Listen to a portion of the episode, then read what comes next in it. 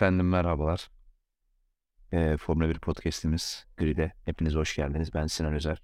Her zaman olduğu gibi bugün sevgili dostum Koray Şahin'le beraberiz. Koraycığım hoş geldin. Hoş bulduk. Ne haber? İyi senden ne haber? İyi yarış vardı işte. Onu şey yap. Ee, ne yapacağız? Tarihin en uzun hafta sonu.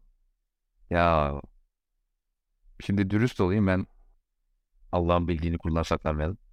Ben şimdi e, pazar günü çok yoğun bir gün geçirdim ve hani yarışı çok böyle yarım gözle izleyebildim. Bir yandan araba kullanırken arabanın e, telefon tutacağına işte havalandırmasına telefon tutacağı da koyup telefonu oradan bakabildim ama çok da fazla bakamadım hani araba sürdüğüm için dediğim gibi. Ondan sonrasında da çok fazla bakamadım çünkü hani oldukça yoğun bir gündü.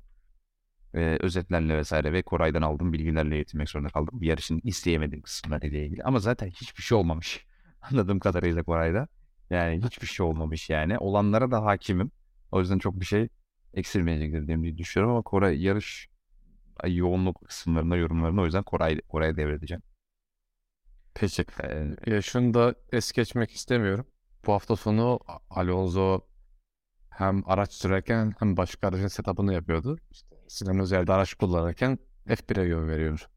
Vay vay vay vay vay vay. Hadi bir kere bak övdüm yeter. Vay vay vay.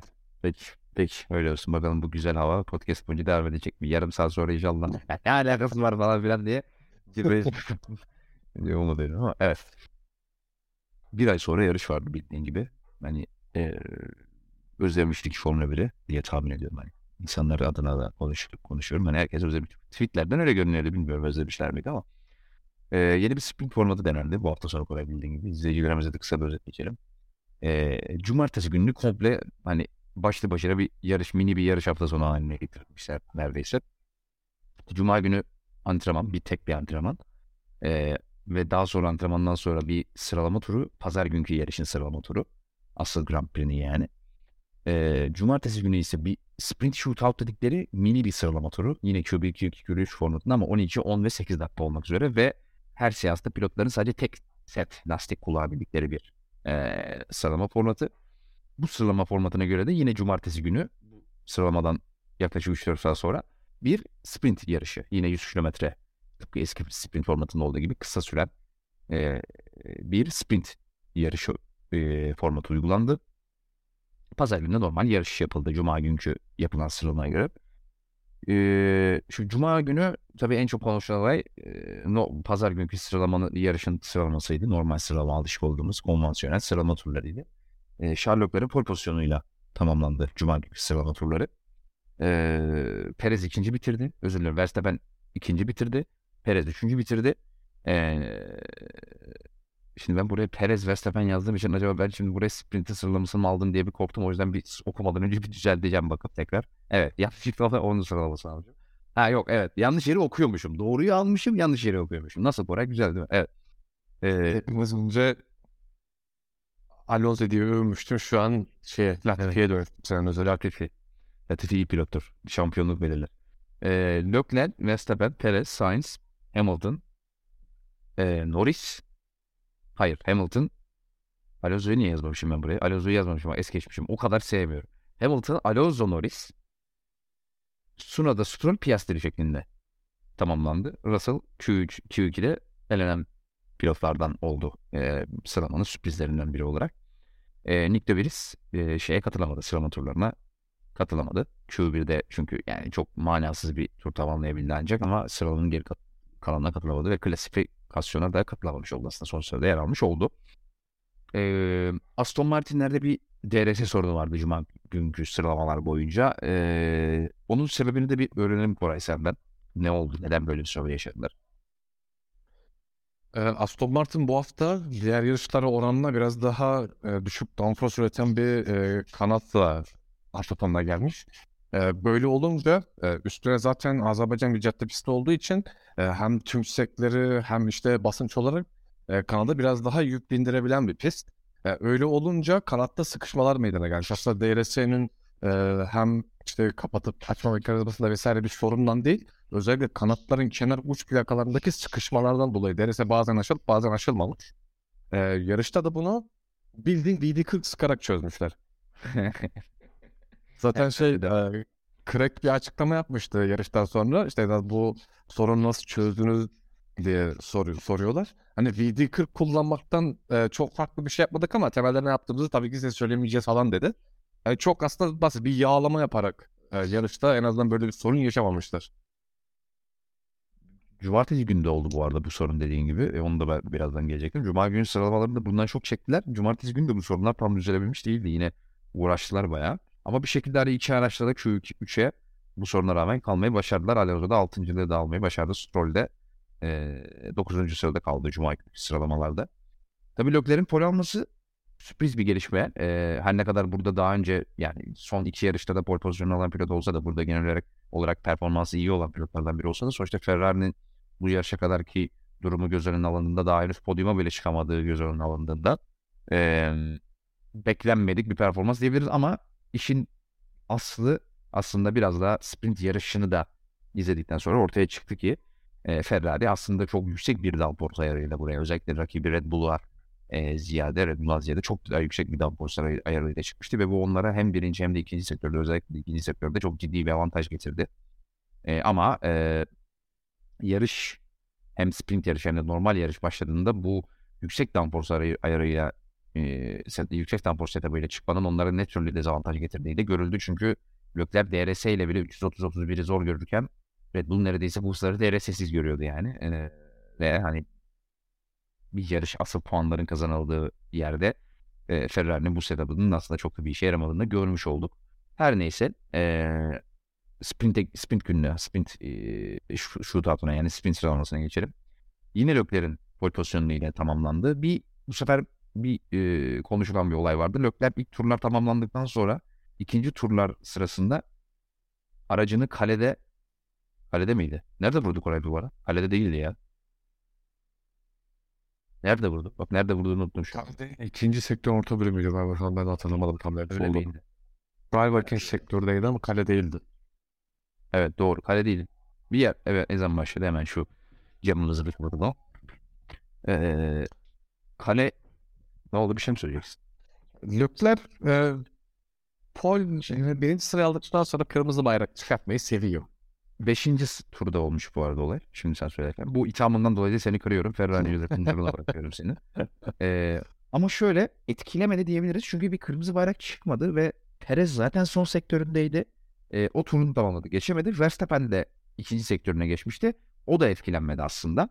Ee, hani bu olay onu çok etkilememiş gibi göründü. Çünkü Red Bull'lar zaten dediğim gibi ikinci turlarında zaten kullanılmış lastiklerle de oldukları için turlarını geliştiremeyince e, Leclerc pole pozisyonunda kalmış oldu. Bu sefer Cuma günkü sıralamada farklı olarak Perez ikinciliği aldı.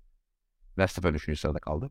Ross Russell dördüncü oldu iyi bir turla. iyi bir performansla diyelim. Sainz beşinci oldu. Hamilton altıncı oldu. Alexander Albon yine bu hafta sonu Williams oldukça hızlıydı.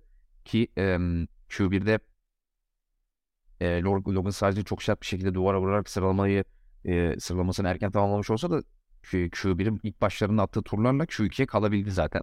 Yani aslında hafta sonu gayet iyiydi. Albon da bunu sonuna kadar gösterdi.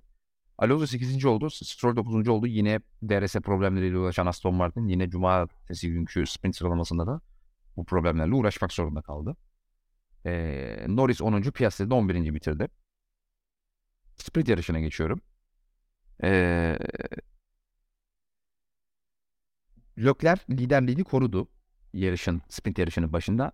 Ee, en çok konuşulan olay tabii ki sprint yarışının Verstappen ile Russell arasında oldu. Ve Verstappen ile Russell yarışın ilk turunda ikinci tur ikinci viraja gelene kadar hem ilk virajda hem ikinci virajda bir yan yana geldikleri periyotlar oldu. Russell e, Verstappen içerisine daldı. E, Verstappen tabii viraj sola doğru olduğu için ve 90 derece bir viraj olduğu için ve nispeten dar da bir viraj olduğu için virajı dönmek isterken Russell'la bir temas yaşadı. Russell'ın aracının sağ tarafı lastik süspansiyon kısmı değil. E, Verstappen'in aracının sol tarafına sidepod kısmına doğru çarptı ve Verstappen'in sol sidepodunda ciddi bir delik oluştu. Ciddi bir hasar oluştu. Russell e, geçişi tamamlamayı başardı. E, ve herhangi de bir cezada çıkmadı kendisine. Şimdi bunu Kore'ye sormak istiyorum. Ben de sonra yorumlarımı yapacağım. Koray ne düşünüyorsun bu olayla ilgili? Çok konuşuldu. E, yani gördüğüm kadarıyla yarıya bölünmüşlük var. Hani bir kısmı Russell'ın bir suçu yok yarış olayı diyor. Bir o kadar da Russell suçluydu ceza verilmeliydi diyen bir kesim var. Biraz bu kesimin ben e, bir hasarın büyüklüğüne bakarak biraz reaksiyoner davrandığını düşünüyorum. Sen ne düşünüyorsun bu olay konusunda? Abi ben bir yarış teması olduğunu düşünüyorum öncelikle. Çünkü e, zaten bir cadde pistinde yarışıyoruz. Üstüne 90 derecelik çok dar bir viraj. E, Russell içeri dalıyor. E, doğal olarak daha avantajlı konumda olan o. Verstappen dışarıdan yerini korumaya çalışıyor. E, doğal olarak şimdi e, e, Verstappen kendi yerini niye bıraksın? E, doğal olarak tabii ki zorlamak. E, normal bir durum Verstappen özellikle Verstappen düşündüğüm zaman. Ama oradaki temas zaten çok fazla bir alan kalmadığı için yaşanıyor. Çünkü zaten dar bir e, viraj. Yaptığı pisti. Hani iki pilotun da birbirine yaptığı e, ters bir hareket yok. İki, ikisi de virajı dönmeye çalışıyor. Hani Russell'ın tamamen Verstappen'i dışarı atma durumu da söz konusu değil. Aynı şekilde Verstappen de içine çok fazla kapanmıyor. Sadece alan kalmadığı için Verstappen duvarla temas ediyor. Ya yani onun için ben ceza çıkmamasını e, doğru buldum. Yarış kazasıydı bu. Ha, bir de şunu da söyleyeyim ekstradan. Ee, bir aracın daha fazla hasar alması demek yani ceza olacağı anlamaya denk gelmiyor. Çünkü e şimdi orada eğer e, faul diyebileceğim bir pozisyon yoksa yani diğer aracın e, yaşadığı mekanik sorun bunu etkilemez. Biz bunu Formula 1'de işte çok çokça kez gördük. E, bir pilot eğer mesela bu işte Verstappen e, Hamilton kazasında Britanya'daydı yanlış hatırlamıyorsam birbirlerine girdikleri mesela orada Britanya. ha, etkiden dolayı mesela ceza çıkmıştı Hamilton'a. Ama yani bana kalırsa tamamen bir yarış kazası çünkü ikisi de hatalı konumdaydı. Ve Verstappen yarış dışı kaldığı için Hamilton ceza yetişti. E, burada da e, Koray bugün linç yemek istiyor. Evet dinliyorum. e, burada da e, alan kalmadığı için ve iki pilotun da o pozisyondaki birbirine bir e, hatalı bir davranışı yok. Birbirlerinin üstüne gittiği bir durum yok. E, Russell içeride. Verstappen dışarıda ikisi de yerini korumaya çalışıyor. Ve birbirlerinin üzerine kırma ya da Russell'ın çok ciddi bir sıkıştırma yaptığı bir pozisyonda olmadığı için bir ceza yok. Yani orada Verstappen'in e, hasar alıp almaması yani bu ceza durumunu etkilememeli. İşte dediğim gibi e, oradaki ha- yap Russell'ın yaptığı hamlede bir hata var mı yok mu değerlendirilmesi gereken tek nokta burası. Yani ben şunu anlamıyorum. Ee, şimdi Russell içeride bayağı da yani e, sadece aracının bir kısmı değil çok yarısından fazlası aracının Verstappen'in yanında viraja girerken. E, viraja giriyor. E, içeride içeride de duvar var. Nereye gidecek abi Russell? Yani e, Verstappen hatalı diyen, e, e, Russell hatalı diyenlere söylüyorum bunu. Hani nereye gidecek abi? Kay, kayıp, kayıp mı olacak? Yani 90 derece bir viraj var. Körbün hemen bitişinde. Duvar var içeride. Nereye gidecek abi yan yanayken? Arkadan içeri dalsa okey diyeceğim ama yani yan yanalar. Zaten kurallarda da bu şekilde yani. Hani uygulaması da bu şekilde. Yan yanaysa içeridekinin suçu yok. Sorumluluk dışarıdakinde. Şimdi Verstappen üstüne kapanıyor. E, orada da zaten 90 derece ve dar bir ay olduğu için Verstappen'e de suç bulamıyorsun. Riyaz çıkartırız abi. Ha, illa birine 51-49 bir şey diyeceksen Verstappen'e derim ben. İçeridekinin ne diyebilirim ki du- duvar var zaten. Adam sıfır dönüyor zaten. Ne yapsa duvara mı çarpsın yani? Yani burada dediğim gibi reaksiyoner davranıp e, Verstappen hasarı büyüğünü aldığı için e, Verstappen korumacılığına geç, geçildi. Ben kesinlikle katılmıyorum. E, işte bir örnekte ben vereyim. 97'de Schumacher son yarışta Herez'de e, Villeneuve çarptı yandan. Schumacher yarış dışı kaldı. E, bilerek Schumacher çarptı. Şimdi yarış dışı kalan Schumacher diye Schumacher mi e, hatasız taraf oldu? Villeneuve mi hatalı taraf oldu? Yani ne alakası var? Hataya bakıp e, yorum yapmak çok saçma. Kesinlikle katılmıyorum. Dediğim gibi bence de yarış kazası. Çok da normal o virajda öyle bir şeyin yaşanması. E, ama kesinlikle ve kesinlikle Russell'ın bir suç olduğuna katılmıyorum hiç kesinlikle yani. Tamer Dinçer hatalı olan Villeneuve'dü. O evet öyle işte onların Red Bull'cularıyla uğraştık bu hafta sonu ama neyse olur öyle şeyler yapacak bir şey yok. Ee, tabii ki bu kaza pist üstünde kalmadı. Yarıştan sonra çok enteresan konuşmalar geçti Verstappen'le Russell arasında. Ee, aracı araçları şeye park ettikten sonra e, pit yoluna park ettikten sonra e, podyuma doğru ilerlerlerken Russell'ı durdurdu e, Verstappen yanına gidip ve kazayla ilgili konuşmaya başladılar. Russell dedi ki yani yol tutuş yoktu dedi. Benim yani I had, I had no grip dedi. Yani benim yol tutuşum yoktu dedi. Verstappen dedi ki mate hani dostum we all have no grip. Hani hiçbirimizin yol tutuşu yoktu ama yine de hepimiz birbirimize birazcık mesafe vermek zorundayız dedi. O da biliyorum biliyorum dedi Russell'da. Ee, sonra Max bir anda vitesi attırıp dedi ki işte bir dahaki sefere ben de aynısını yapacağım. Ee, emin olabilirsin dedi. Diket dedi sonra da Russell'a. Biraz arkasından söyledi bunu tabii. Ee, hani tip kafası diye çevirebiliriz herhalde yani tam Türkçe'ye.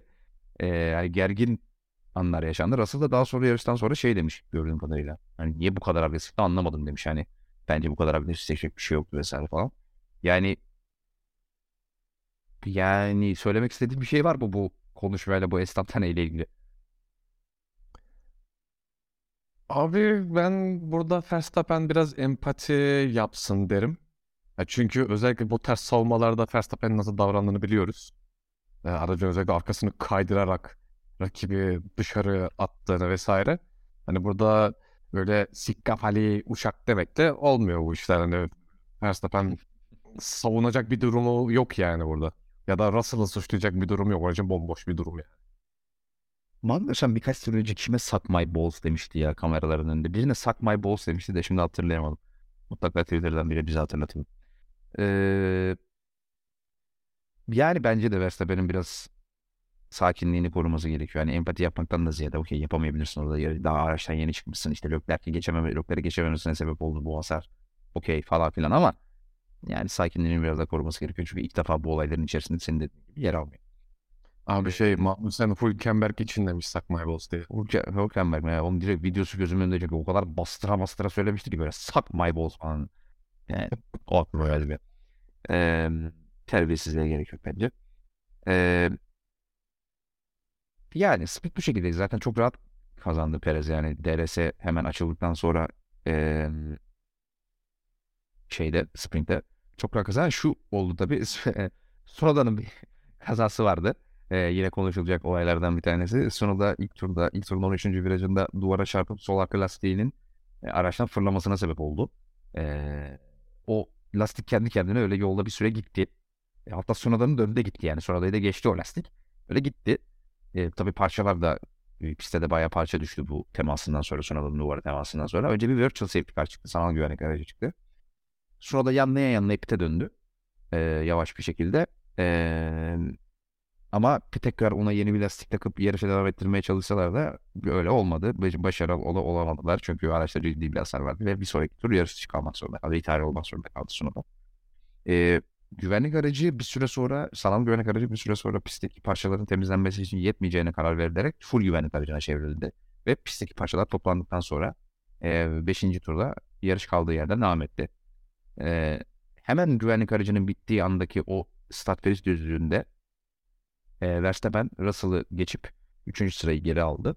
Ve Hamilton da yine aynı turda e, hem Sainz hem Alonso'ya geçildi ve o da 2 sıra kaybetmiş oldu. E, 7. turun başlangıcı, 6. turun, turun sonu 7. turun başlangıcında e, DRS'nin açılmasıyla beraber Perez çok da zorlanmadan Leclerc'i rahat bir şekilde geçmeyi başardı ve biraz önce de söylediğim gibi yarışın, sprint yarışının sonuna kadar bu liderliği de korudu. Hmm. Verstappen tabii ki o side pilotunda açılan büyük delikle beraber e, tam da böyle Türkiye haritası da benzetenler olmuş. Hakikaten de benziyor. Ben de o yorumu gördükten sonra fark ettim. Ciddi de bir e, genişlikte bir deliğin açılmasıyla beraber tabii e, o ciddi bir drag yarattı. Ciddi bir sürtünme etkisi yarattı ve düzlüklerde e, beklenen performansı da elde edememesiyle beraber e, tabii ki aynı zamanda yine aerodinamik anlamda da tabanda da ufak bir hasarı vardı. Yine aerodinamik, hem aerodinamik anlamda hem de direkt anlamında performans kaybı yaşamasının da etkisiyle Lökler'i geçemedi ve 3. sırada bitirmek zorunda kaldı sprint yarışını. E, Russell e, bu olaydan sonra 4. sırada bitirdi yarışı. Sainz 5. oldu. Alonso 6. bitirdi. Hamilton 7. bitirdi. Stroll 8. Albon iyi bir performansla, iyi Williams'la beraber iyi bir performansla 9. bitirdi. Piastri e, son turlarda e, pite giren takım arkadaşını o pite girmeden önce geçmişti zaten pist üzerinde ve e, 10. turda pite giren Norris zaten çok arkalarda bitirdi. Piastri de 10. sırada yer aldı. E, tabii ki X8'e puan verildiği için günün son puanlarını Stroll almış oldu. E, Sprint ile ilgili eklemek istediğin, söylemek istediğin bir şey var mı? Yoksa e, pazar günü nasıl yarışımıza geçeceğim? Yok abi sprint e, bomboş bir uygulama ya. Sadece bunu söyleyeceğim. O genel olarak ona geleceğiz. Oraya geleceğiz. Ee, pazar günü tabii yine Lökler e, Cuma günü yapılan sıralamalarla. Burada eminim bazı casual fanların hani bizim kadar bu manyağı olmayan insanlar kafaları karışmış. Yani cumartesi otururlar sprint diye bir şey izlediler. Okey. Ama bir anda yine Lökler birinci sırada falan pazar günü. Yani evet geleceğiz oraya. E, Lökler yine yerini korumaya başardı aslında e, startta. E, Albon'la Piastri'nin bir teması oldu e, ilk e, turda ve Albon'un e, ön kanadında bir hasar oluştu. E, ama bir herhangi bir ceza vesaire gelmedi. E, DRS açıldıktan sonra e, üçüncü turda hemen Verstappen yani hiç vakit kaybetmeden Leclerc'i çok rahat bir şekilde geçti ve ondan üç tur sonra da e, Perez, iki tur sonra da Perez e, Leclerc'i geçerek Red Bull'u 1-2 yapmayı başardılar. Yani Leclerc hem çok fazla savaşmadı zaten savaşacak çok da bir şey yoktu yani DRS ile beraber yaklaşık 20-25 kilometre bir hız farkı oluşuyordu Red Bull'larla arasında setup'ın da getirdiği dezavantajıyla beraber çok da bir şey yapamamış oldu. Ee, medium lastikler çok az dayandı. Ee, yarışın ilk kısmında yani 9-10-11 tur civarlarında herkesin medium lastikleri hemen hemen bitmeye başladı. Ee, önde öndekilerden lastiklerinden ilk şikayet etmeye başlayan pilot Verstappen oldu ve hem son o arka düzlüğe çıkan son sektörün sonundaki sağ sol virajın çıkışında çok ciddi bir arkadan kayma yaşadı Verstappen ve Hemen o arkadan, arkadan kaymanın ardından ekranlara radyodan hani lastiklerle ilgili bir şikayeti yansıdı. Yani çok fazla arkadan verelim lastikler bitti e, mimarinde bir radyo mesajı yansıdı. Hemen bundan çok kısa bir süre sonra e, ekranlara e, duvarın dibinde aracını hasarlı aracını sol ön süspansiyonu kırılmış bir şekilde aracını bırakan e, yarış çizgisinin üzerinde üstelik bırakan bir Nick De Vries yansıdı. E, 10. turda oluyor bunlar. E, Nick De Vries'in aracının ekranlara gelmesinin yaklaşık 20-25 saniye sonrasında Verstappen'i pite aldı Red Bull. Tam Verstappen pitteyken de önce sarı bayrak daha sonra da e, güvenlik aracı çıktı. Beşinci turda dediğim gibi, beşinci virajda dediğim gibi beşinci virajın içerisinde daha sonra ekranlara yansıyandan anladığımız kadarıyla şu şekilde olmuş. Beşinci virajın içerisindeki duvara temas ediyor. Nick De Vries sol süspansiyonu kırılıyor ve aracı da altıncı virajda e, bırakmak zorunda kalıyor. E tabi Verstappen tam safety car çıktı çıkmadan önce pite girdiği için e, ciddi bir dezavantaj elde etmiş oluyor. Çünkü Perez, Leclerc, e, Russell hepsi e, güvenlik aracının arkasında pitlerini pitlerine girmişti ve e, Sergio Perez yarışın pite girip çıktıktan sonra yeni lider oldu. E, burada Russell'a bir pit girişinden bir inceleme çıktı ama daha sonra bir no further action şey yani herhangi bir cezaya gerek olmadığına karar verdi yarış hakemleri. E, güvenlik aracından sonra Verstappen'in Perez'e yaklaşık yaklaşamayacağını konuşuyorduk. Ancak e, öyle bir şey olmadı. E, ve hani Perez yarışın sonuna kadar e, lastiklerini korumayı başardı.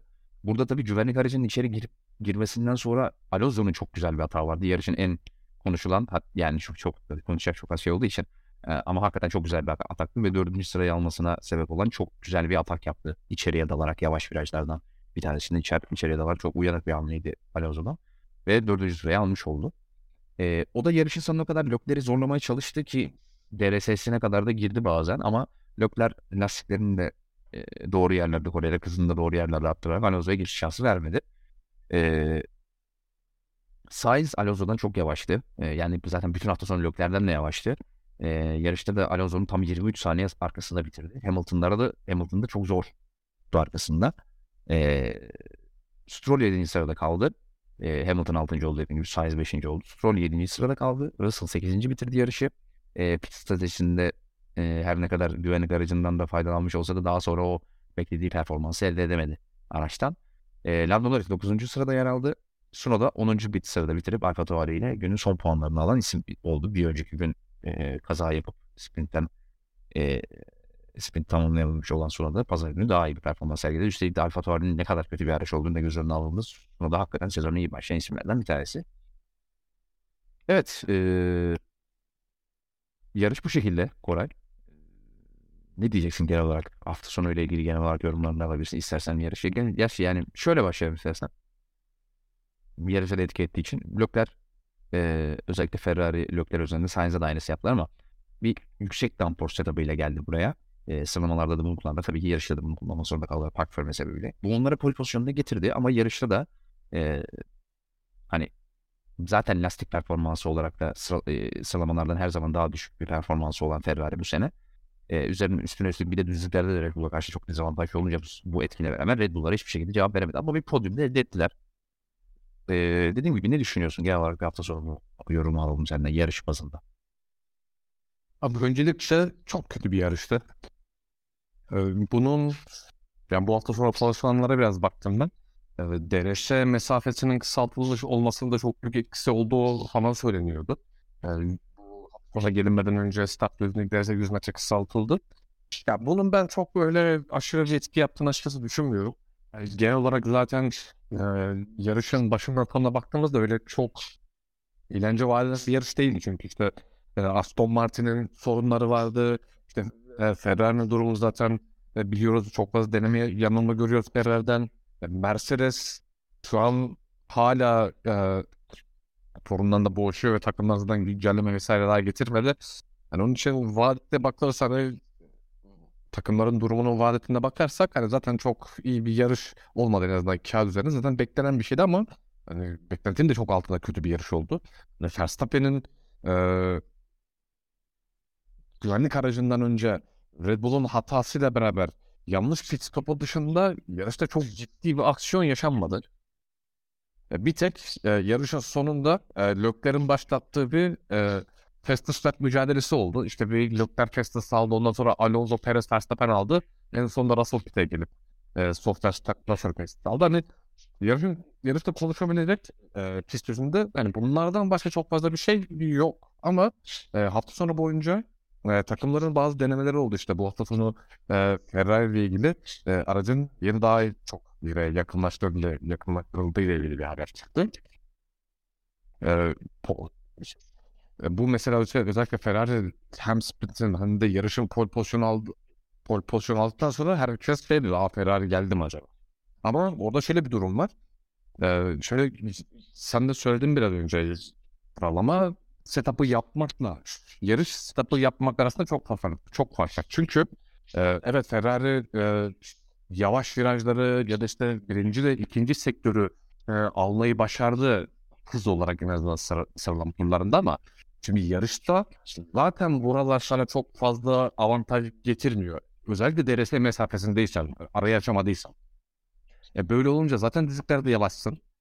Üstüne e, Red Bull gibi hem düzlüklerde çok hızlı olan hem de aynı zamanda DRS'den diğer takımlara göre çok daha avantajlı bir Red Bull var orada.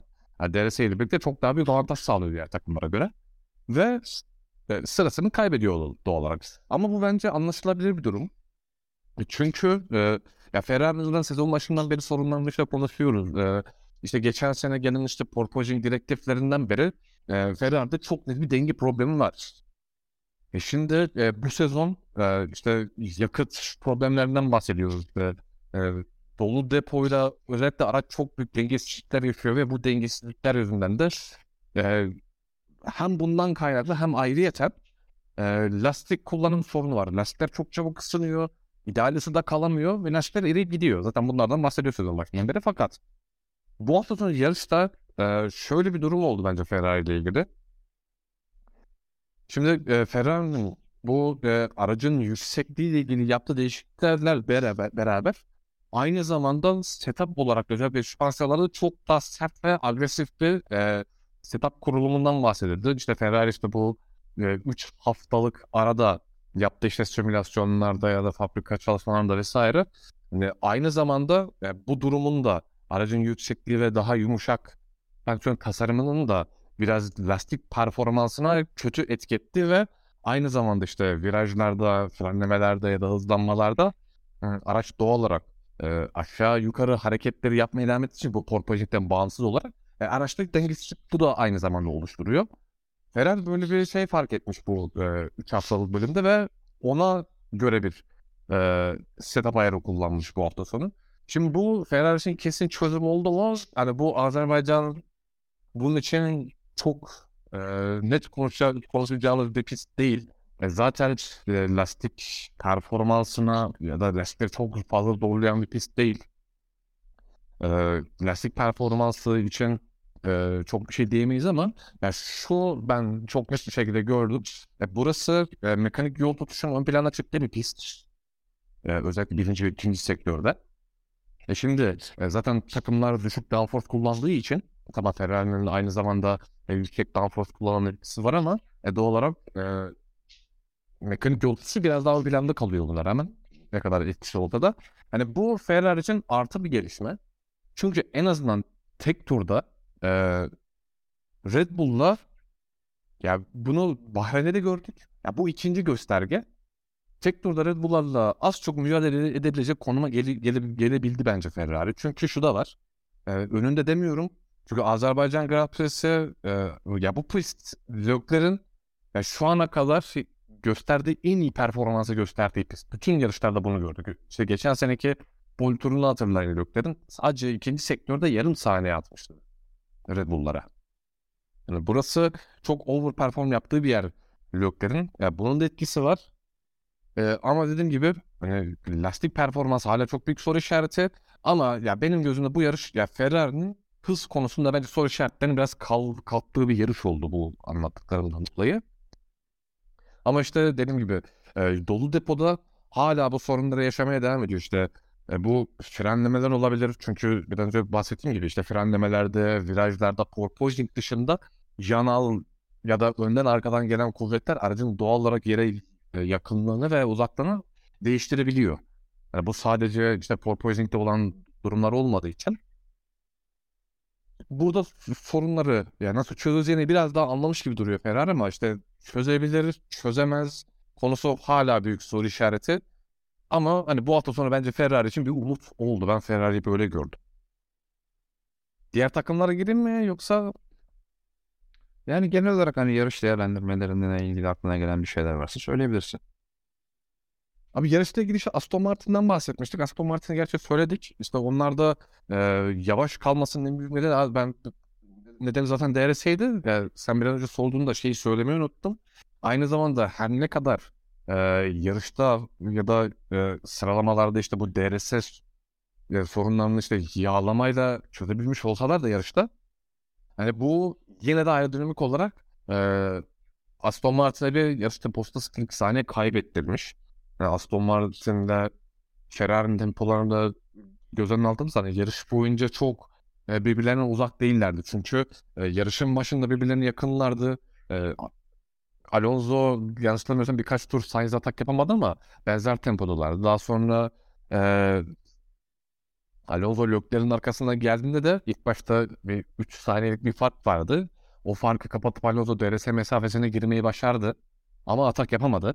E, Ferrari zaten bu sene bu hafta sonu özellikle çekiş bölümünde çok iyiydi. E, hem bunu işte e, motor zaten motor olarak iyi durumda Ferrari. Motoru da bağlıyor. E, gearbox ayarlarına da bağlayabiliriz. Aynı zamanda ya ben bunda e, Ferrari'nin bu bu hafta sonunda getirdiği süspansiyonunun da çok etkili olduğunu düşünüyorum. Çünkü e, her ne kadar sert süspansiyon kullanmak e, dış etmenlere daha e, sinirli bir davranış vaat etse de özellikle o dengeyi sağladığınızda size hızlanma konservasyonu gördüğünüz gibi çok daha net e, avantaj getirebiliyor. E, bu durumdan dolayı işte zaten Alonso da atak yapamadı e, Leclerc'e. Daha sonra bir fark 4 saniye çıktı ama yarış sonlarına doğru fark gelince hani biraz o Aston Martin ile Ferrari arasında ya bence yarışta hız olarak bayağı dengeliydi iki, iki takım. Mercedes de biraz geride kaldı olduğuna göre. Ee, yarışla ilgili performans olarak ekleyeceğim falan aklımda bir şey yok. Olursa yine daha sonra örneklerim ama e, ya buraya en büyük sıkıntı buraya takımların güncelleme getirmemesi oldu. İşte bunların bu durumların ne kadar etkili ne kadar etkili olmadığını anlattıkları muhtemelen Miami'de daha net göreceğiz. Çünkü oraya takımlar bir de güncellemelerle gelecek. Yani bu yarış şöyle özetleyebilirim. Yani muhtemelen sezon bitti. Yani sezon içinde geçen sene gibi çok kritik bir değişim, kural değişikliği vesaire gelmezse yani Red Bull hala sezon sonuna kadar tek takım olacak ama en azından sezon ortasından sonra e, biraz daha yarışlar eğlenceli bir hale gelebileceğinin vaadini verdi bana bu yarış. Çünkü şu ana kadar ki 4 yarış oldu değil mi? Yes. Yani 4 yarış gerçekten çok kötü. 5. 5 yarış çok kötüydü. Ya bu kadar kötü olacağını ben zannetmiyorum açıkçası bundan sonra. 4'müş bu arada ne 5'i? 4. 4 yarış. 4 yarış. Ee, 5. Miami geliyor. Ee, teşekkür ederim. Ee, Şöyle ben ya işte yarışın sıkıcılığı ile ilgili zaten sen bahsettin hani evet şey yorumlarını ben de çok gördüm. Pilotlardan ve e, işte diğer camiadaki yarışmalardan veya izleyicilerden işte DRS'i 100, 100 metre kısalttınız onlar falan. Alakası yok abi. İki tane fazla geçiş olurdu yani. Grip birbirinden çok açık. Hani yarışların sıkıcı geçmesinin sebebi bu. Yok 100 metre 200 metre falan değil. Geçen, geçecek olan zaten geçti yani. Hani bununla hiçbir alakası yok. E, ne olacak yani mesela şimdi Alonso Lökleri geçseydi 100 metre daha uzun olsaydı DRS'de Alonso Lökleri geçseydi mesela daha mı eğlenceli? Yani böyle bir şey değil. E, şampiyon yarış galibiyet mücadelesi olmayınca hatta podyum mücadelesi bile olmayınca böyle oluyor işte mesela. Arkalarda da çok bir şey olmayınca orta vesaire işte böyle oldu. E, yarışın özeti yani yazdığım en kısa yarış özeti falan olabilir. Yani sırf oradan bile anlaşılıyor zaten. Yani bayağı yarış özeti yazardım normalde podcast'tan başı. Yani iki, iki paragraf falan yarış özeti yazdım. Çünkü bir şey yok. Bir şey olmadı yani. Ee, Ferrari tabii ki hafta sonu en çok konuşulan takım doğal olarak. Çünkü bir performans zıplaması en azından sıralama üzerinde yaptıkları görüldü. Zaten bahsettiğimiz gibi hani setup'la ilgili çok büyük bir kısmı. Ben şöyle ben e, çok ciddi bir değişim olduğuna inanmıyorum. Neden inanmıyorum? Çünkü özellikle sprint yarışının son 4-5 turunda Lökler lastikleri korumak konusunda yine çok zorlandı. Çünkü neden? Mücadele içerisindeydi. Hem önce Perez'e savunma yaptı hem daha sonra Verstappen'e savunma yaptı ve bir mücadele içerisinde de olduğu için yani aracın e, temposunun maksimumuna yakın kullanmak zorunda olduğu için lastikler eridi. Pazar günü bu niye olmadı? Çünkü aracın maksimum temposuna neredeyse hiç yakın kullanmak zorunda kalmadı. Hala sonra yaklaştığı birkaç bölüm var. Sürekli olarak lastik koruma modundaydı. Özellikle de hard lastikler çok fazla dayandı. E, mediumlar e, onlara göre çok daha dayanıksızdı ki şuradan da anlaşılabiliyor. Herkes 10-11. turda az önce de yarıştan yarışın özetinden bahsederken söylediğim gibi herkes 10. 11. turda mediumlardan bir an önce kurtulmak isterken mesela Ocon yarışı hard lastiklerle başladı ve yarışın son turunda sadece zorunluluktan dolayı soft lastiklere geçti bir tur için. Onun dışında yarışı çok rahat bir şekilde hard lastiklerle bitirebiliyorlardı ki 10. 11. turda medium lastiklerden hard lastiklere geçen pilotlar da yarışı o 40-41 turluk mesafeyi çok rahat bir şekilde hard lastiklerle bitirdiler. Ee, ama işte sprint shootout'ta gördük ki e, lastik koruma problemleri, lastik kullanma problemleri hiçbir şekilde geçmiş değil Ferrari ki zaten nasıl geçsin? Güncelleme getirmediler buraya. E, ama cumartesi günü ben şuna inanıyorum. Kesinlikle bunun Ferrari'nin daha elastik korumayla ilgili bir şey bulduğundan vesaire dolayı olduğunu değil. Tamamen iyi bir setup tutturduklarına. Özellikle Lökler üzerinde ki zaten Lökler de burada da iyi süren bir pilot olarak bireysel olarak. Bunlar bu faktörler de birleştiğinde ben Ferrari'nin buradaki sıralama performansının tamamen bu yüzden olduğunu ve pazar gününde eski yerlerine geri döndüğünü inanıyorum. Ha şöyle şu var tabii ki e, örnek vermek gerekirse mesela Suudi Arabistan'dan yarış tempoları da daha iyiydi. Lökler üzerinde diyelim. Sadece yine 25 saniye arkasında bitirdi Alonso'nun ama Lökler üzerinde daha iyiydi. Ama dediğim gibi bunun da setup buraya özel bir setup bulabilmeleriyle alakalı olduğunu ve işte dediğim gibi Lökler'in bireysel performansıyla daha çok alakalı olduğunu. Ee, o yüzden ben gelişim olduğuna vesaire yani insanlar öyle şeyler yazılmış. Çünkü ben inanmıyorum kesinlikle. Zaten nasıl olsun yani güncelleme Ee, ve daha önceki yarışların podcastinde de söylemiştim. Yani lastik problemleri aracın mekanik yol tutuşunun en fundamental şeyleri olduğu için, etkenleri olduğu için e, çözülmesi çok zor problemlerdir genelde. Çünkü yine problem fundamental olduğu için araçta da fundamental değişiklikler yapmanız gerekir. Süspansiyon gibi vesaire vesaire işte. Ee, ve çok yani köklü değişikliklerle bunlar aracınızın tüm karakteristiğini, tüm sürüş mekaniğini değiştirdiği için pilotlarınızı da memnun etmeniz çok zorlaşabilir. Aracın o sahip olduğu dengeyi de kaybedebilirsiniz vesaire vesaire bir sürü problem yaşayabilirsiniz. Aracın bu kadar fundamental e, anlamda e, parçalarını değişiklik yaptığınızda. O yüzden ben hani öyle hemen çözülebilecek bir şey olduğunu hiç inanmıyordum. O yüzden cumartesi günü proporsiyonunu aldığında da özür dilerim cuma günü. Hiç inanmadım yani bunların çözüldüğüne. Çünkü yani mümkün değil böyle bir şey. Bence olmuş bir şey değil bu. Güncellemeyle bile çok zor dediğim gibi ama göreceğiz. Belki beni şaşırtabilirler. Ee, onun dışında Aston Martin zaten dediği gibi DRS problemlerinden bahsettik ama yarışta bu problemleri çöz, çözdükten sonra yine eski yerlerinde özellikle Alonso o eski hıza kavuştu. Mercedes hayal kırıklığı diyebiliriz. Ee, daha hızlı olmaları beklenebilirdi ama bu hafta sonu hiç orada olmadılar. Yani hem Ferrari'den hem e, Aston Martin'den net bir şekilde daha yavaş oldukları görüldü pazar günü. Ee, Williams e, hem sprintin hem sıralamaların öz, özetinde bahsettiğim gibi hızlıydı bu hafta sonu. Logan Sargent dediğim gibi Q3'e kalmayı başardı. Yarış hata yapmış olsa da sprint şutlarında hızlılardı. Albon da Q3'e kalmayı başardı. Ee, iyi bir performans sergilediler. Her ne kadar yarışta puan alamamış olsa da hafta sonu iyi takımlarından biriydi. Alpin hem problemlerle uğraştı hem kazalarla uğraştı hem stratejik hatalar yapıldı. Sıfır puanla geçtiler burayı. Gerçekten onlar için kötü bir hafta sonuydu. Yine Alfa Romeo için çok kötü bir hafta sonuydu. Hiç oralı değillerdi. Yani hiç hiç yoklardı. Hiç faktör alamadılar. Gerçekten kötü bir hafta sonuydu. E, Suno da hafta sonunun iyi isimlerinden bir tanesi. Çünkü Alfa Tauri aracı çok kötü bir araç. E, o Alfa Tauri aracıyla her ne olursa olsun puan alabilmek e, biraz şansı değer gitse de iyiydi. İyiydi onun için. E, oldukça başarılı bir performanstı.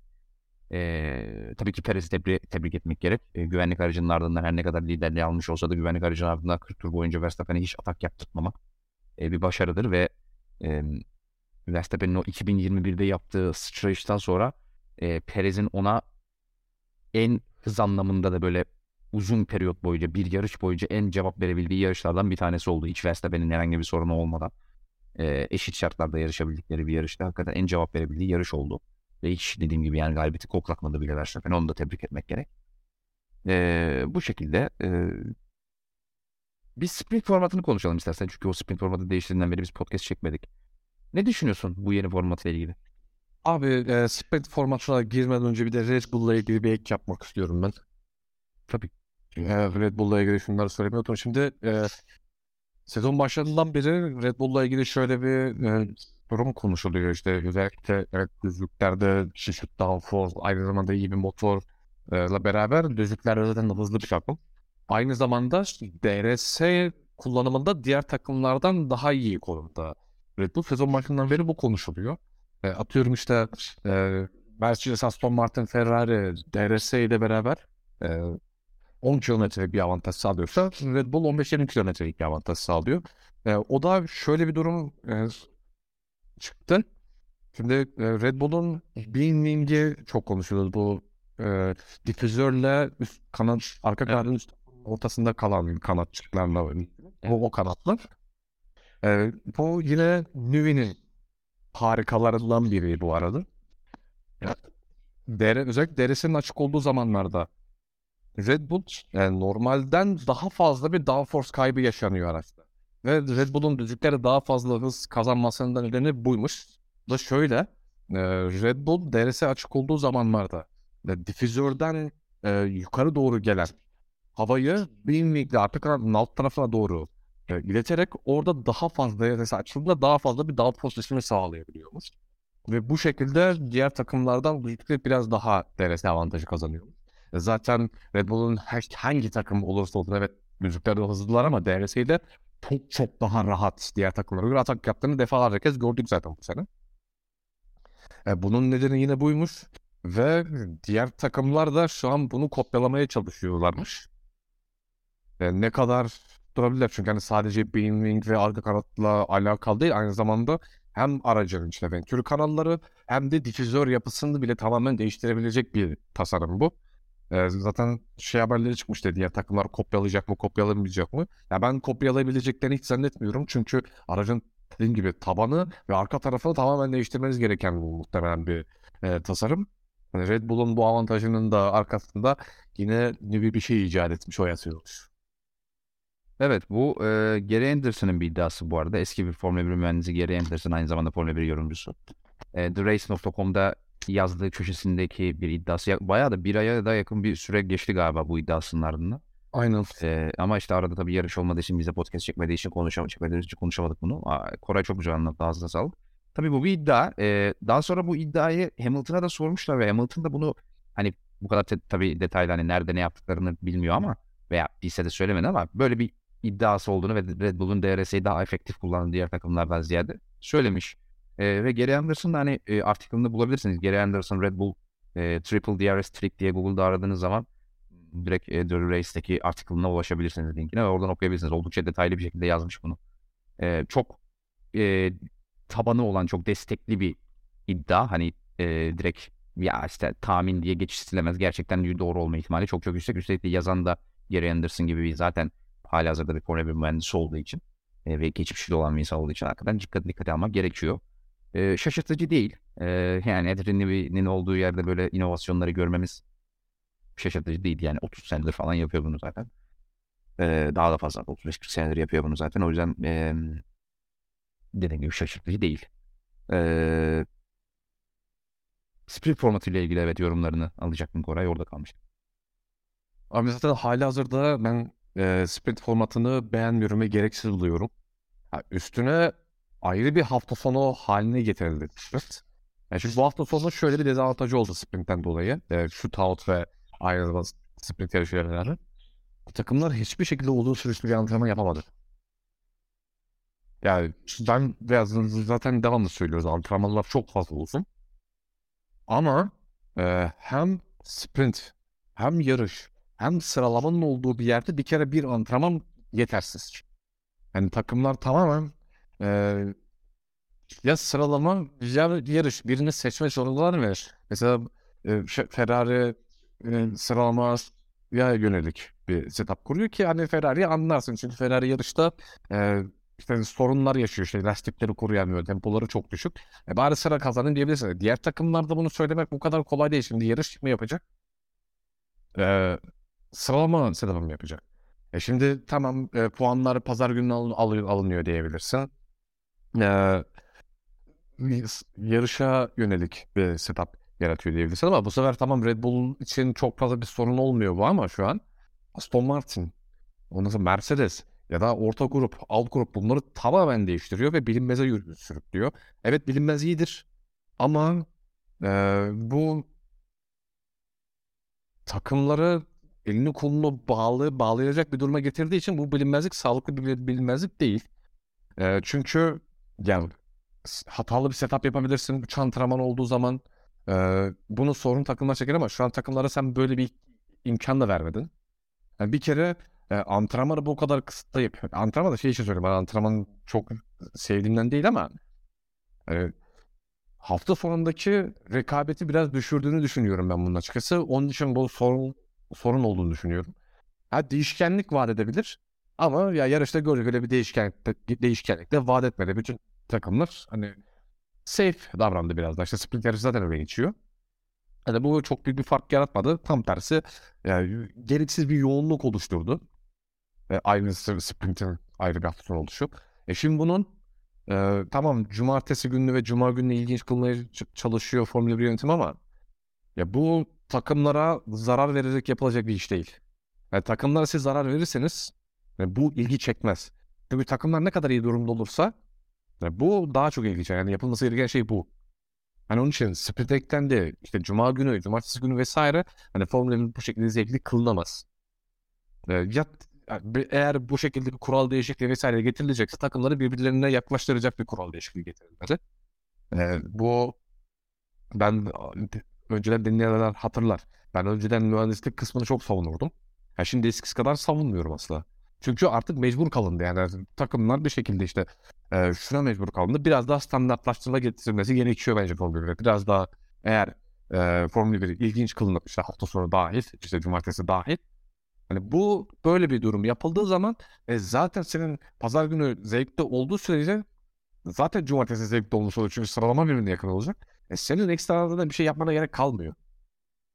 Hani onun için ben artık biraz daha Formula 1'de araçlar üzerinde standartlaştırılmanın e, daha sağlıklı olacağını ve e, daha verimli olacağını düşünüyorum. Ya onun için sprint e, bana şey gibi geliyor. Bu hangi sezonda hatırlamıyorum ama sezonu ilginçleştirmek için son yarışa e, çift puan verdiler. 2015 miydi? 14. Yıl 14. Ya bunun gibi ya hiçbir şey hiçbir yere doğru varılmayacak. Hani sadece günü ve anı kurtarmalık bence gereksiz değişimler yani. Hani zaten sprint yarışını ne kadar ben verimsiz olduğundan önce söylemiştim. Yani şu tautun gelmesi vesaire daha da bence verimsiz. Tam tersi. E zaten bütçe sınırı var. Takımlar kendi planlamalarını yapmaktan zorlanıyorlar vesaire. Tamam bu doğal bir şeydir. Normal. Ve senin şimdi bir de üstüne sprint shootout koyman vesaire. E, buralarda kaza olması. E, takımlar zaten takımları daha safe alana yönlendirip e, yarışları ya da şeyleri daha e, stabil hale getirtiyor. Onun için senin getirdiğin split'in hiçbir esprisi kalmıyor. Yani bir katmıyor bu. Yani onun için e, bu hafta sonu işte shootout değişimleri de vesaire hani sadece splitli olan versiyondan hiçbir fark olmadığını sadece e, antrenman yerine e, takımların işte bir tek sprint yarış için bir sıralama geldi. E, sen ceza alıyorsun yine pazar günü etkiliyor. İşte e, park firm geliyor. E, park firm'de yine antrenmandan sonra işte ilk sıralamada geliyor cuma günkü. Yani çok karman çorman e, yapılması gerekenin kıyısından köşesinden dolanarak yapılmış Formula 1'i zevkleştirmeye çalışmak için e, verimsiz değişim yani ben beğenmedim bu şeyde. Gereksiz bir de hafta sonunu uzattı. Hani hafta sonu yarışın zevkinden ziyade e, hem izleyiciler için daha sıkıcı hale geliyor bence. Çünkü e, bir önce bahsettiğim gibi zaten çok bir şey vaat etmiyor. E, bu durum sen daha stabil bir durumu bir gün daha fazla izlemeye başlıyorsun. E, bu da aynı zamanda izleyici tarafında zarar verebilir e, uzun vadede. Onun için ben Sprint'i şu tautla beraber desteklemiyorum. Yani söyle ekleyecek bir şey yok. Sprint formatıyla ilgili benim de görüşlerimi dinleyenler biliyor zaten. Hani böyle gimikler işte bir yarışları heyecanlı hale getiremeyince böyle gimiklere başvuruyorsunuz. Onlar da bir işe yaramıyor yani. Daha cuma, cumartesi daha heyecanlı yaptın. Evet ne oldu? ne değişti? Yine Red Bull da gitti pazar günü. Yine geçiş olmadı. Yine hiç kimse bir şey konuşmadı pazar günü. Yani bunlar ee, saçma. Ee, çok da konuştuğumuz için o yüzden tekrar tekrar üstüne şey yapmak istemiyorum. Tekrarlamak istemiyorum. Hani değişiklikle yani aynı bokun laciverdi herhalde. Böyle özetmek gerekiyor galiba. Şu yapılan değişikliklere öyle çok bir şey etki etmedi konusunda. Ee, ya bir de şu var. Pist üstü etkenlere zaten Koray değindi. Ben bir de şuraya değineceğim. Yani hep e, işte Drive to Survive gibi işte sosyal medya kullanımının artırılması gibi vesaire vesaire bir sürü sayabiliriz. Şimdi tek tek saymaya gerek Hani casual fanları ve hiç spora daha önce izlememiş olan fanları e, spor daha önce izlemiş olan fanları çekmek için yapılan bir sürü etkinliğini, bir sürü yeni hamlesini vesaire vesaire görüyor, gördük ve görmeye de devam ediyoruz Liberty Medya'dan. Liberty Media Formula 1 satın aldıktan sonra. E, ve bunların ne kadar etkili olduğunu da gördük. İzleyici sayısının ne kadar arttığını ve etkin izleyici sayısının üstelik bir de hem genç hem de yeni izleyici sayısının ne kadar arttığını işte kadın izleyici sayısının ne kadar arttığını vesaire vesaire hiç ulaşamadıkları demografiklere de ne kadar ulaşmaya başladıklarını da gördük. Ee, ama şimdi hem bunlar yapılırken bir yandan da işte böyle casual izleyicinin ve spora yeni başlamış izleyicinin kafasını karıştırabilecek şeyler ne kadar uyumlu onu da anlamak güç. Yani şimdi, oturdu mesela şimdi normalde cuma günü bir şey yok zannediyor. Ee, şey zannediyor. Antrenman var zannediyor. Şimdi bir bir kere sıralamayı kaçırdı. Eğer böyle zannediyor. Hadi diyelim ki söylediler. Aa sprint var. Okey. Oturdu şimdi cuma sıralama. Okey. Diyecek ya e, diyorlar ki işte sprint yarın da yarış var falan. Normalde öyle ya. E, okey falan. Aa, yarın bir açıyor bir daha sıralama var. Sonra o sıralamaya göre bir yarış var. E, sonra pazar bir daha açıyor. Dünkünden çok alakasız bir sıralama var. Mesela dün Verstappen kazanmış. Özünü Perez kazanmış. Ee, Sprinti Perez mi kazandı ya? Kafam karıştı. Hayır Sprinti Verstappen kazandı. Sprinti Perez mi kazandı? Hayır Sprinti de Perez kazandı. Evet. Sprinti Perez kazanıyor. Ee, normalde işte bildiği sprint sıralamasında Perez'in yarın yarışa şeyden başlaması lazım. Polden başlaması lazım. Abi açıyor gene Lökler var polde falan. Yani no hakikaten yani işte cumartesi günü böyle bir Grand Prix'ye çeviriyoruz falan. E casual izleyici, yeni başlayan izleyici de bir anda yine kafa karışık. Her şeyi simplify etmeye çalıştığın bir manifesto izlerken son 4-5 senede hani her şeyi basitleştirmeye çalıştığım bir ortamda bir anda daha kafa karışıklığı yaratan ve hiç de bir sonuç olarak da hiçbir işe de yaramayan bir değişiklik yapıyorsun sonuç olarak hiçbir işe yaramayacağını o kadar belli ki bir de hani insan ona sinirleniyor. Hani bir bir bakalım görelim falan. Abi yok yani ne bekliyordun ki şundan? Ne niye? Zaten genel olarak sprint formatından ne bekleniyor onu da anlamıyorum da. Şunu da çok sinirlenmeye başladım. Zaten herkes söylüyor yani benim, sadece benim söylediğim bir şey değil. Yani reverse grid yapmamak için ellerinden geleni yapıyorlar. Ya sprint'i get ya en, en başta sprint getirdiklerinde reverse grid yapmamak saçmaydı zaten de. Ya sprint'in amacı o olmalı zaten. Yani sen grid'i karıştırmayacaksan niye getiriyorsun ki? Yani şey ondan korkuyorsun işte Formula 1 çok gimmicky yapar diye çok e, işte hani e, işte gimmicky yapar yani tam da Türkçe tabirini de hani kullanmaz yani çok basitleştirir, çocuklaştırır vesaire diyebilirsiniz veya çok oyuncaklaştırır gibi bir şey söyleyebilir. E bundan korkuyorsan o zaman sprint hiç getirmeyeceksin. Çünkü onun dışında bir işe yaramıyor. Yani 100 kilometreli ufak bir yarış yaptırıyorsun falan. Ne oluyor yani? Ne işe yarıyor ki? Yani grid'i tersine çevirmediğiniz sürece bence hiçbir anlamı yok. E, gridi, gridi tersine çevirmekten korkuyorsan bu kadar da tepkilerden dolayı o zaman getirme abi sprint'i. Getirme yani. Bence zaten getirme de. Hani getireceksen de reverse grid yap abi korkma yani. yani neyinden korkuyorsun ki bu kadar değişiklik yapıyorsun korkmuyorsun da reverse grid'den mi korkuyorsun ya? Saçma. Hani bir şey yapıyorlarsa tam yapsınlar. Onu da yapmıyorlar. Allah akıl fikir versin. Yani dediğim gibi hani Koray da bahsetti zaten hani araçlar birbirine yakın olmadığı sürece bunlarla uğraşmanın çok bir manası yok. Bir ara Bernie Eccleston şey falan diyordu. Eskiden izleyenler hatırlarlar. Ee, yapay yağmur sistemleri üzerinde çalışıyoruz. Yarışların rastgele bazı kısımlarında yağmurlar yağdıracağız piste. Fıskiyeler aracılığıyla. Böylece yarışlar daha heyecanlı gelecek falan. Böyle aptal aptal fikirleri vardı bazen Bernie Eccleston'ın. Yaşlılığına vermek lazım.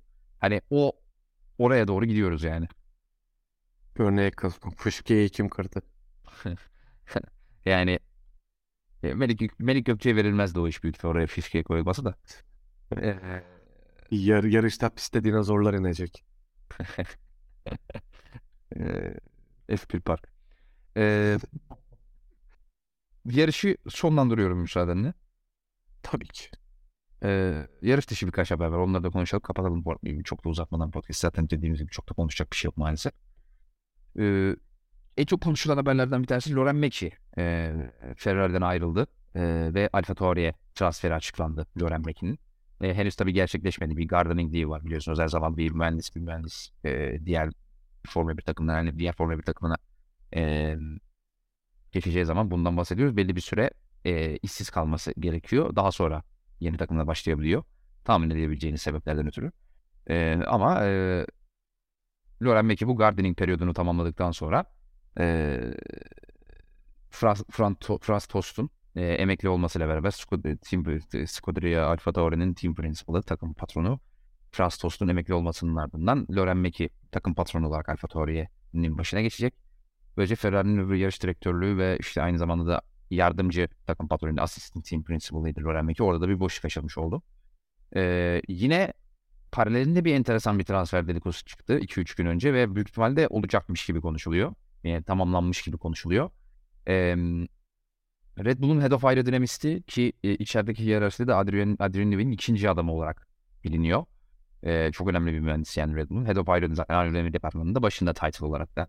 Enrico Balbo'nun Ferrari ile anlaştığı ve 2024 sezonunda itibaren Ferrari ile çalışmaya başlıyor. Onun da Gardening Leave'ine tamamlanmasının ardından Ferrari ile çalışmaya başlayacağı e, haberleri çıktı. Yine enteresan paralel bir haber. Burada Loren Meki haberiyle paralel olarak o yüzden aynı anda söyledim bunları. E, Ferrari demiş ki e, Alfa Tauri hani işte Loren Meki Alfa Tauri erken başlasın biz onun gardening leave'inden kısalım. Siz de Enrico Balbo'nun gardening leave'inden kısın demiş e, Red Bull'a. Yani bir cevap yani çıkan haberlerde herhangi bir cevap gel yoktu. Hani Red Bull'un buna bir cevabı yoktu ama Ferrari bunun için uğraşıyormuş. E, yani niye kabul etsin Red Bull bunu bilmiyorum ama hani belki Enrico Balbo da bu konuda bir istekle bulunursa abi beni salın gideyim diye. Hani yıllarca verdiği hizmetten ötürü ona bir güzellik yapmak. Ferrari'ye bir güzellik yapmayacakları kesin ama Enrico Balbo'ya bir güzellik yapmak için böyle bir şey isteyebilirler. Çünkü Ferrari'de hani tabii ki doğal olarak 2024 aracına da hatta daha değil asıl 2024 aracına çalışsın istiyorlar Enrico Balbo'yu ve 2024 aracında çalışabilmesi için de tabii ki 2023 senesinde gelmesi gerekiyor Ferrari'ye. Bu konuda da bir uğraş varmış dediğim gibi.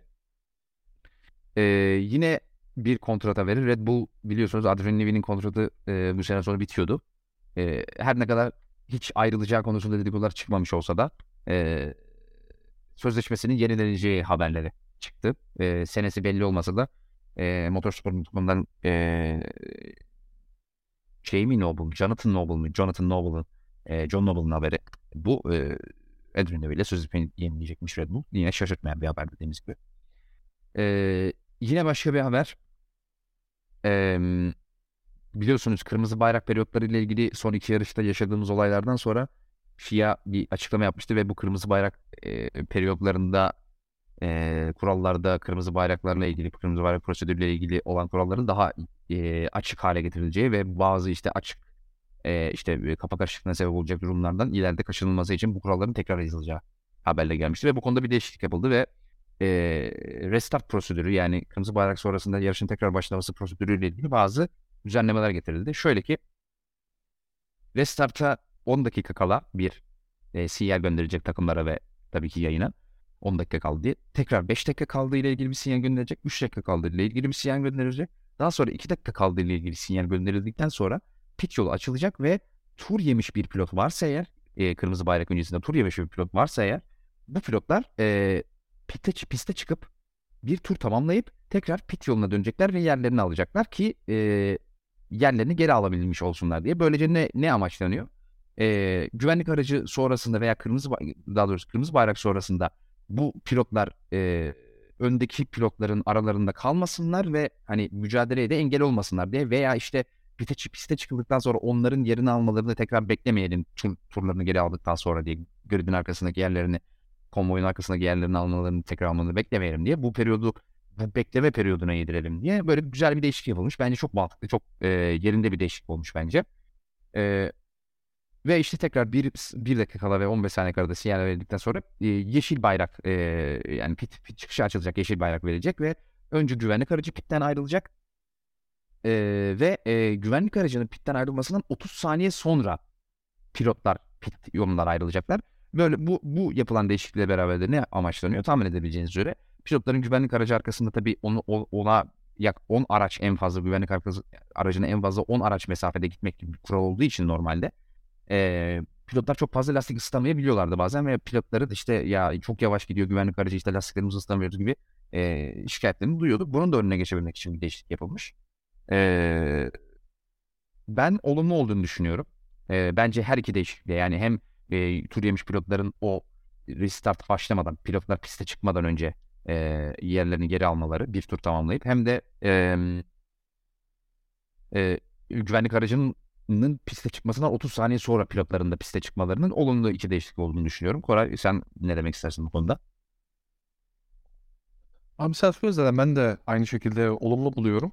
Ya hem e, lastik kısma durumu çünkü zaten terziden sen de söyledin ya pilotlar devamlı bu konuda serzenişte zaten yıllardır duyduğumuz şey. Onun için lastik konusunda da olumlu. Aynı zamanda turlarını geri alan pilotlar için de olumlu. Hem işte oradaki kargaşayı, kaosu önüne geçiyorsun.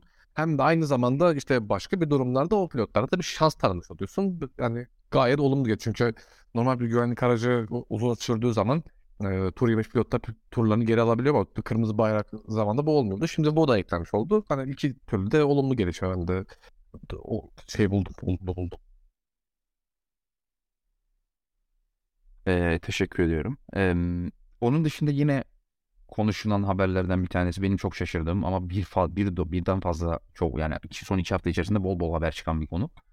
Ee, Leclerc'le Mercedes'in Leclerc'e bir ilgisi olduğu transfer etme konusunda. Onu kadrosuna katmak konusunda pilot kadrosuna. Ve Leclerc'in de buna pek de soğuk bakmadığı haberleri çıktı. Ee, tabii bunun 500 tane farklı versiyon çıktı tahmin edebileceğiniz. İşte Leclerc Ferrari'den mutsuz olduğu için işte Mercedes Hamilton'la yolları ayırmaya ayırmadı plan ayırmayı planladığı için veya işte Hamilton emekli olmayı planladığı için vesaire vesaire. Yani bu ilginin nereden kaynaklanabileceğine ilgili o kaynak olarak bir sürü farklı versiyon çıktı. Hangisine inanmak isterseniz artık. Ve en son Toto, Toto Wolff bir açıklama yapmak zorunda kaldı yarış hafta sonuna girdiğinde Azerbaycan'da ve dedi ki uzun vadeli planlarımız arasında löpler var dedi. Yani doğrulamış oldu bir yandan ilgi ama ben bunun çok ciddi bir şey olduğunu düşünmüyorum şu anda. Ee, yani bu kadar konuşulacak her gün hakkında haber çıkacak bir şey olduğunu düşünmüyorum. Çünkü hem Leclerc'in Ferrari sözleşmesi var. E hem zaten Mercedes gridin en oturmuş pilot kadrolarından bir tanesine sahip. Zaten bir yerde Hamilton var. E öbür tarafta da Russell var. Hamilton'la gayet de kafa kafaya gidebilen son iki senedir e, bir Russell var. E, gencecik. Niye rahatsız olsunlar ve bu iki pilot arasında bildiğimiz bir problem de yok. E, Hamilton emekli olmak gibi bir planı da yok şu anda. Bildiğimiz kadarıyla tekrar. O yüzden ben bunların çok e, spekülatif haberler olduğunu düşünüyorum. Hani aklıma önce şu geldi açık söyleyeyim. E, Leclerc'in ben bu haberleri çıkardığını düşündüm. E, neden? Şu. E, ne kadar mutsuz olduğunu, ne kadar rahatsız olduğunu Ferrari'nin performansını zaten hep konuştuk. İlk yarışlardaki yüz hali, işte radyolar, radyodan e, duyduğumuz işte havası, ses, ses karakteristiği vesaire ve işte interview'lardaki e, konuşma karakteri vesaire mutsuz olduğunu hep konuşmuştuk zaten ve bence bunu ben bunun Ferrari'ye bir uyarı olduğunu düşünüyorum. Ben kafası çalışan pilotların, aklı başına pilotların ve biraz biraz bu PR işlerine çalışan, e, kafası çalışan pilotların, emek harcayan pilotların yaptığını biliyorum bunu daha önceki yıllarda da. E, ve ben bunu kasıtlı çıkarmış dediğim gibi Leclerc kampından çıkartılmış bir haber olduğuna inanıyorum. Çok üzerinde durulmasına gerek yok ama Leclerc bence şu mesajı vermeye çalışıyor dediğim gibi. E, hani çok rahatta kalma İlyan abi. Hani sırf Ferrari'siniz diye ben kötü araç yapmanıza rağmen sizde kalmam. Eee her ne kadar bana Formula 1 şansını veren takım olsanız da ben sizde kalmam. Hani araçlar kötü olduğuma devam ettiği sürece daha iyi aracı olan bir takım teklif yaptığında gidebilirim min mesajını veriyor ki niye gitmesin? E, bunun da en büyük örneği zaten Lewis Hamilton. Bırak yani Leclerc'den çok çok daha fazla kendisine emek vermiş bir takım olarak. 10 yaşından 12 yaşından itibaren kendisini işte geleceği yıldızı diye yetiştirmiş. Maddi olarak ve manevi olarak da o bütün desteği vermiş McLaren'dan kötü araçlar yapıyor diye ve Mercedes'ten teklif geldi diye ayrıldım. Bunlar olabiliyor. E, ve dediğim gibi Leclerc hakkında açıklayan bu haberleri. Sen bu konuda bir şey söylemek ister misin? Leclerc Mercedes haberleriyle ilgili. İnanıyor musun, inanmıyor musun vesaire gibi. Abi bana da spekülasyondan öte bir şey olduğunu ben de olmadığını, spekülasyon öte olmadığını düşünüyorum. Ya senin dediğin mantıklı. Ee, ben de şöyle bir özellikle PR olarak ben de şöyle bir ek yapayım. Şimdi özellikle uzun zamandır geçen seneden itibaren Leclerc'in üzerinde şöyle bir algı var. Şimdi Leclerc polleri alıyor. Yarışta performans gösteremediği için bunu yarış galibiyetine çeviremiyor. Çok güzel oldu bu konuya değindi. Bu konuda evet ben de yorumlarını merak ediyorum. Şimdi böyle bir durum var. Böyle bir algı var ve buna inanan kitle de öyle az buz bir kitle değil yani. Ben her hafta sonu e, Türk Twitter'ında da olsun, yabancılardan, Reddit'ten de her yerde bu karşımıza çıkıyor. Yani bu sadece belli bir kes kesme olduğu bak, e, belli bir kesme değil. Yani çok büyük çoğunluk şu an buna inanıyor. Yani bu aynı zamanda Leclerc'e çok büyük zarar veriyor çünkü şimdi Leclerc'in teknik performansı evet çok iyi. Yarışta gösterdiğinden çok çok daha iyi. Ama bu Leclerc'in bunu yarış galibiyetine çeviremeyecek kadar kötü bir performans gösteriyor anlamında değil. Çünkü Leclerc'in kaybettiği bu pol alıp kaybettiği yarışlara bakın. Ferrari'nin strateji hatası. Ee, bir iki tane Leclerc'in kendi hatası var. Aynı zamanda e, mekanik problemler var. Ve yani bu kaybedilen poller arasında bu 10 küsür alıp 4 yarış mı kazanmıştı polden? Öyle bir istatistik var. Şu an tam hatırlamıyorum. Hı hı. Hani bunun çok çok büyük çoğunluğu Leclerc'den bağımsız gerçekleşen Ferrari'nin hatası ya da mekanik sorunlardan dolayı oluşan bir şey. Yani yani bu Leclerc'in yarışta kötü performans göstermesiyle alakalı değil. Bir iki yarış dışında. Yani bu da Leclerc'in doğal olarak profiline zarar verdiği için senin bahsettiğin durum bana çok mantıklı geldi. Yani onun için ben de spekülasyon olduğunu düşünmüyorum.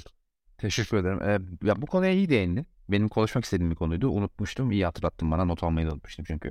Ben resmi rakamı vereyim. Leclerc'in 19 pole pozisyonu var kariyerinde ve 5 tane yarış galibiyeti. Bu tabii ki çok büyük bir disparity. Yani inanılmaz bir fark bu. Hiç olmaması gereken bir ratio bu yani. Hani her 4 neredeyse pole pozisyonunda bir tanesini sadece galibiyete çevirmiş. Ama ya senin de söylediğin gibi sadece istatistiklere bakarak konuşmak çok saçma burada. Yani tek tek o pole pozisyonu aldığı yarışlara bir baksak. Şimdi mesela 2019 senesinde benim çok aklıma geliyor mesela işte normalde pole pozisyonu almayacak araç veya işte o hileli tırnak içerisinde motorun e, sayesinde yarış sıralamada pole pozisyonu alıp yarışta aracın hızı yetmeyip kaybettiği yarışlar. Veya bu yarış. Yani direkt bu yarıştan konuşacağım. Şimdi bu yarışta yarış galibiyetiyle ne alakası vardı Leclerc? hiçbir alakası yoktu. Yani şimdi, e, pole pozisyonunda aldığı için övmemiz gerekirken işte dediğim gibi bazı insanlar pole pozisyonunu yarış galibiyetine çeviremiyor. E abi şimdi Verstappen'in pole pozisyonu alması gereken bir sıralama turunda Verstappen alamadığı için Verstappen'e sallamak yerine niye pole pozisyonunu almaması gereken bir pilota pole pozisyonu aldığı için sallıyoruz biz? Yani böyle bir mantık olabilir mi? Ne kadar saçma bir şey. Yani şimdi bu işte bu yarış en büyük örneği. Ne, yani nasıl kazanacaktı bu yarışı yoklar?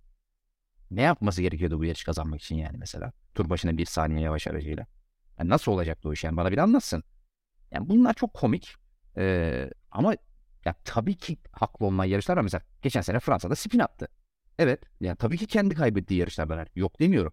Ama işte Leclerc şu kadar poli var. Şu kadar galibiyeti var. Leclerc yarış galibiyetine çeviremiyor. Yani böyle bir pattern oluşturmak için elimizde hiç yeterli örnek yok arkadaşlar.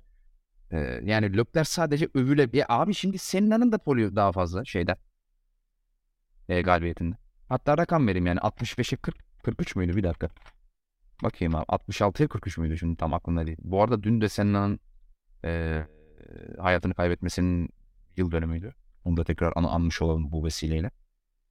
E, 65 pole pozisyonu 41 galibiyeti var. E şimdi şey mi o zaman Ayton Senna pole pozisyonlarını yarış galibiyetleri çeviremeyen dandik. Öyle mi? Yani tarihin en hızlı pilot. Yani şimdi bunlar çok komik. Ee, böyle şeyler hiç gerek yok. Ya ben anlıyorum bir kısmı tabii ki işte Ferrari fanı olmayan taraftarlardan işte Mercedes taraftarlarıdır, Red Bull taraftarlarıdır, işte pilot taraftarlarıdır vesaireden geliyor. Biraz tabii o sosyal medyada atışma kısmı da var bu işin ama yani bunu biraz böyle sözü dinlenen insanların dile getirmesi çok komik oluyor hakikaten. Ee, yani yapmayın arkadaşlar. Yani biraz bazı şeylerden haberiniz olsun yani. Buradan da seslenmiş olalım. Ee, Ekleyeceğim bir şey var mı Koraycığım? Podcast'i kapatacağım çünkü bende bunlar bitti. Yok herhalde konuştuk her şeyi. Aklıma bir şey gelmiyor. Yani bir şey de olmadı ki zaten hafta sonunda yani hani e, konuşacak çok da bir şey yok. Yani en kısa konuştuğumuz yarış kısmı olabilir hakikaten. 10 dakika 15 dakika falan konuştuk. Yarış özeti Perez geldi ve kazandı. Yani aynen öyle. Bir ay sonra da bir de bu yarışı beklemiş olmak da komik oldu biraz. Ya bir de şu var. Abi Perez'le ilgili de şunu da ekleyeyim. Ya normal yarış pistinde süremeyip cadde pistlerinde seninle yarışa bir hep olur ya. Hakikaten ne alaka ya? Ya sen nasıl cins bir pilotsun ya? Evet, Perez hakikaten et midir balık mıdır? Bazen et ol et oluyor bazen yani Abi Allah ca- cadde pistlerinde herif ya. Çok garip. e, bir de evet geldi. Bir, bir- bir telefon bir kafa girdi de yedi de oraya gittik yani evet. E, kapatalım müsaadenle. Tabii saati biraz geçmişiz. E, bir sonraki yarış olan Miami Grand Prix'si bildiğiniz gibi hemen bu hafta. Yani e, bu pazar yarış var. Daha sonra 14 Mayıs hafta sonu yarış yok. Niye olmadığını hepimiz biliyoruz. E, Ahanlar gelecek. Baharım. Öyle öyle mi? Bilmiyorum. Ben öyle bir şey bilmiyorum. Doğrudur. Sen neydi? Bir, bir şey söyle. Al- ne kafana Alonso ile ilgili bir cümle koymuştun. Neydi? Ya, söyledin ya podcast'ten önce. Eee, baharlar gelecek. Frank Vasseur sözünden dönmeyecek ki. Vay anasını. Ferrari ile ilgili bu arada galiba. Ferrari ile ilgili. Pardon karıştırdım kafanı karıştırdım. Evet. Ee, bir sonraki yarış Miami Grand Prix'sine e, e, Koray'ın da podcast'te ara ara bahsettiği gibi güncelleme getiren takımlar olacak. Ee, belki güç sıralamasında bir şeyler değişebilir. Ee, bir aksilik olmazsa eğer Miami Grand Prix sınavlarından tekrar burada değerlendirmek üzere sizlerle görüşeceğiz. Yarışı değerlendirmek üzere. O zamana kadar hoşçakalın efendim. Hoşça kalın.